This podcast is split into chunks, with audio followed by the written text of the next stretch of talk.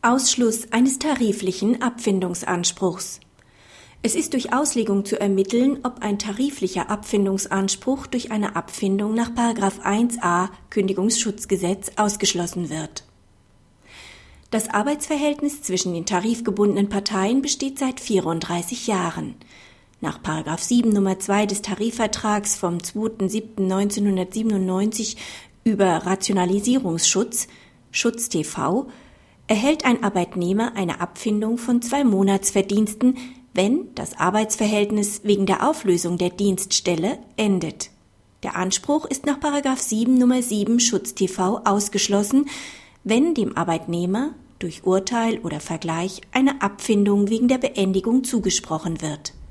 Der Arbeitgeber kündigt aus betriebsbedingten Gründen wegen Schließung der Dienststelle. Er bietet dem Arbeitnehmer eine Abfindung nach 1a Kündigungsschutzgesetz in Höhe von 0,5 Monatsverdiensten pro Beschäftigungsjahr an, wenn er auf die Erhebung einer Kündigungsschutzklage verzichtet. Der Arbeitnehmer lässt die Klagefrist verstreichen und erhält die Abfindungszahlung. Mit seiner Klage verlangt er daneben die Zahlung der Abfindung aus dem Schutz-TV.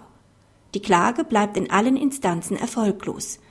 Der Arbeitnehmer hat keinen Anspruch auf eine weitere Abfindung nach 7 Nummer 2 Schutz-TV, auch wenn in dieser Norm Abfindungen nach 1a Kündigungsschutzgesetz nicht ausdrücklich genannt sind, ergibt doch die Auslegung, dass die tarifliche Abfindung auch in einem solchen Fall entfällt.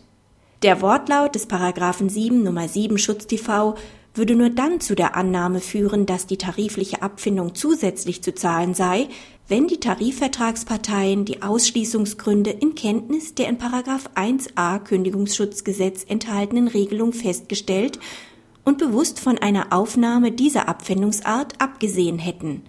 Das ist aber nicht der Fall, denn der Schutz TV stammt aus dem Jahr 1997.